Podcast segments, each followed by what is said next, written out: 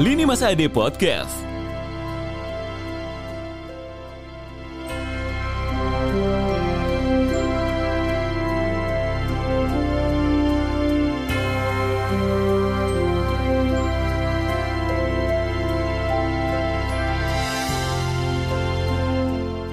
Go up and never stop.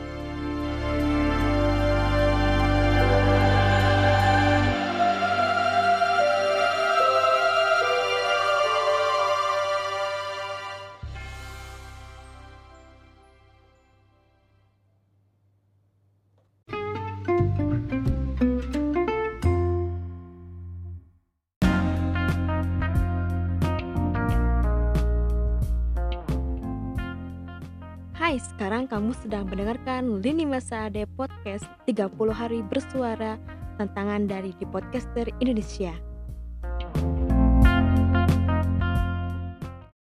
Assalamualaikum warahmatullahi wabarakatuh Balik lagi aku Adelisna di episode ke-22 tentang kematian Kebayang gak kalau misalnya waktu kematian kamu besok. Sekarang kamu belum mempersiapkan apa-apa untuk bekal ke sana. Dari lahir, lalu kita hidup, dan nanti kita akan meninggal. Ketika semua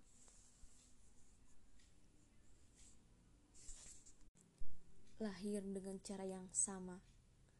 Namun, setiap orang berbeda cara meninggalnya. Kematian ini menjadi pengingat kita untuk selalu mengingat mati, hidup dan mati ada di genggaman ilahi. Tidak ada seseorang pun yang bisa menghindar dari kematian yang sudah ditakdirkan oleh Allah Subhanahu wa taala. Kematian suatu hal yang dekat dengan kita sendiri.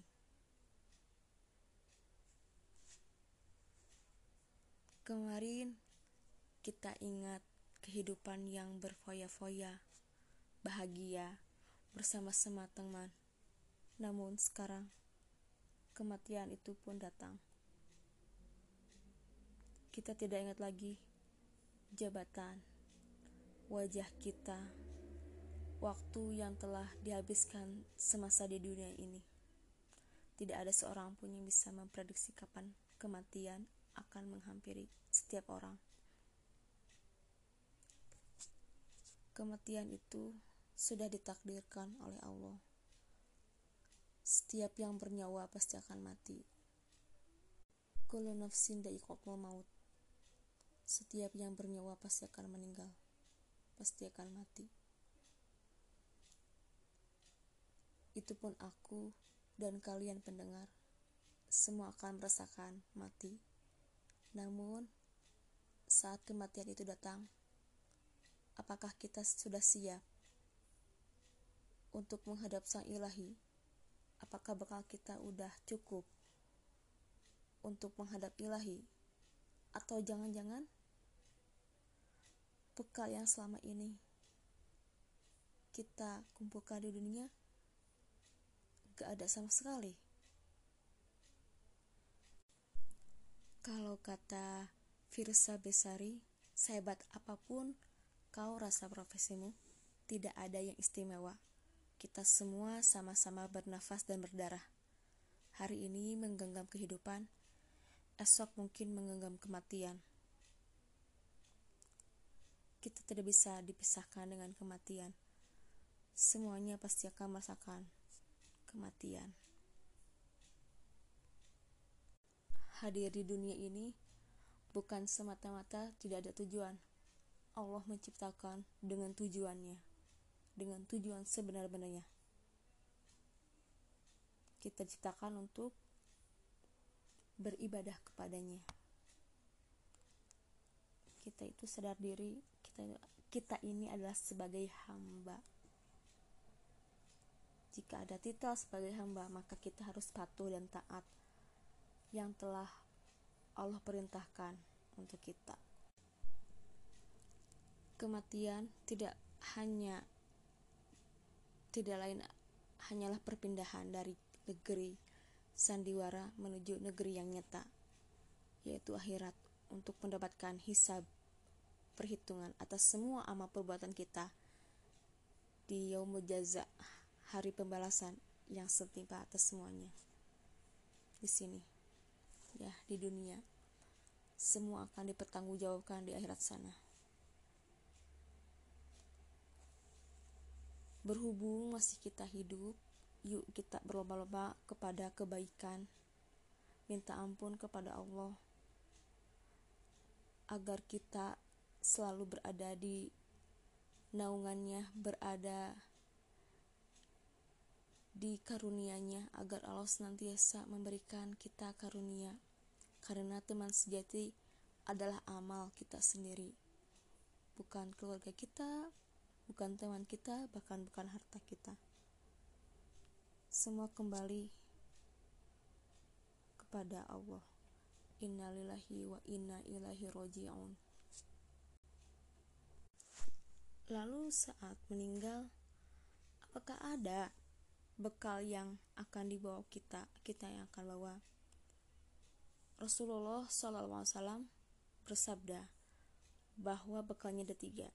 Yang pertama sedekah jariah, yaitu kita menafkahkan harta di jalan Allah, kita sedekahkan ke masjid, membiayai anak yatim, infak, pembangunan sekolah guna mencerdaskan umat, itulah bekal kita.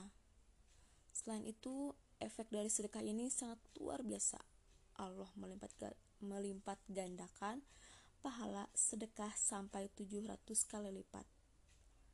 Bayangkan, jika kita sedekah uang 1000 dikalikan 700, maka pahalanya di sisi Allah adalah 707 ribu. Itu kalau dikalkulasi. Tapi ingat, untuk masalah sedekah niatkan semata-mata karena Allah. Yang kedua itu ilmu yang bermanfaat. Jika orang yang meninggal itu tidak memiliki cukup harta selama hidupnya dan lantas kurang memiliki sedekah jariah, maka ia bisa memperoleh pahala dari ilmunya. Ilmu yang bisa yang memberi manfaat kepada orang lain dan orang banyak lantas apa ilmu itu hanya sebatas ilmu agama saja? Tidak. Karena ilmu agama pun bisa menyesatkan bila diajarkan dengan pemahaman yang keliru. Bila kita lihat aksi bom bunuh diri, akibat pengajaran ilmu yang keliru, ilmu-ilmu yang ada di dunia ini adalah ilmu Allah. Seumpama kita memiliki ilmu komputer, kemudian kita ajarkan kepada orang lain, dan kemudian orang lain tersebut bekerja untuk memenuhi kebutuhan keluarganya menggunakan ilmu komputer. Yang telah kita ajarkan berarti ilmu kita telah bermanfaat kepada orang lain. Anak soleh Anak soleh yang mendoakan kedua orang tuanya. Doa anak soleh itu bakal terus mengalir buat orang tua yang sedang ditahan oleh Allah dalam barzah. Oleh karena itu, kita sebagai orang tua tentunya agar mendidik putra kita kok ke situ sih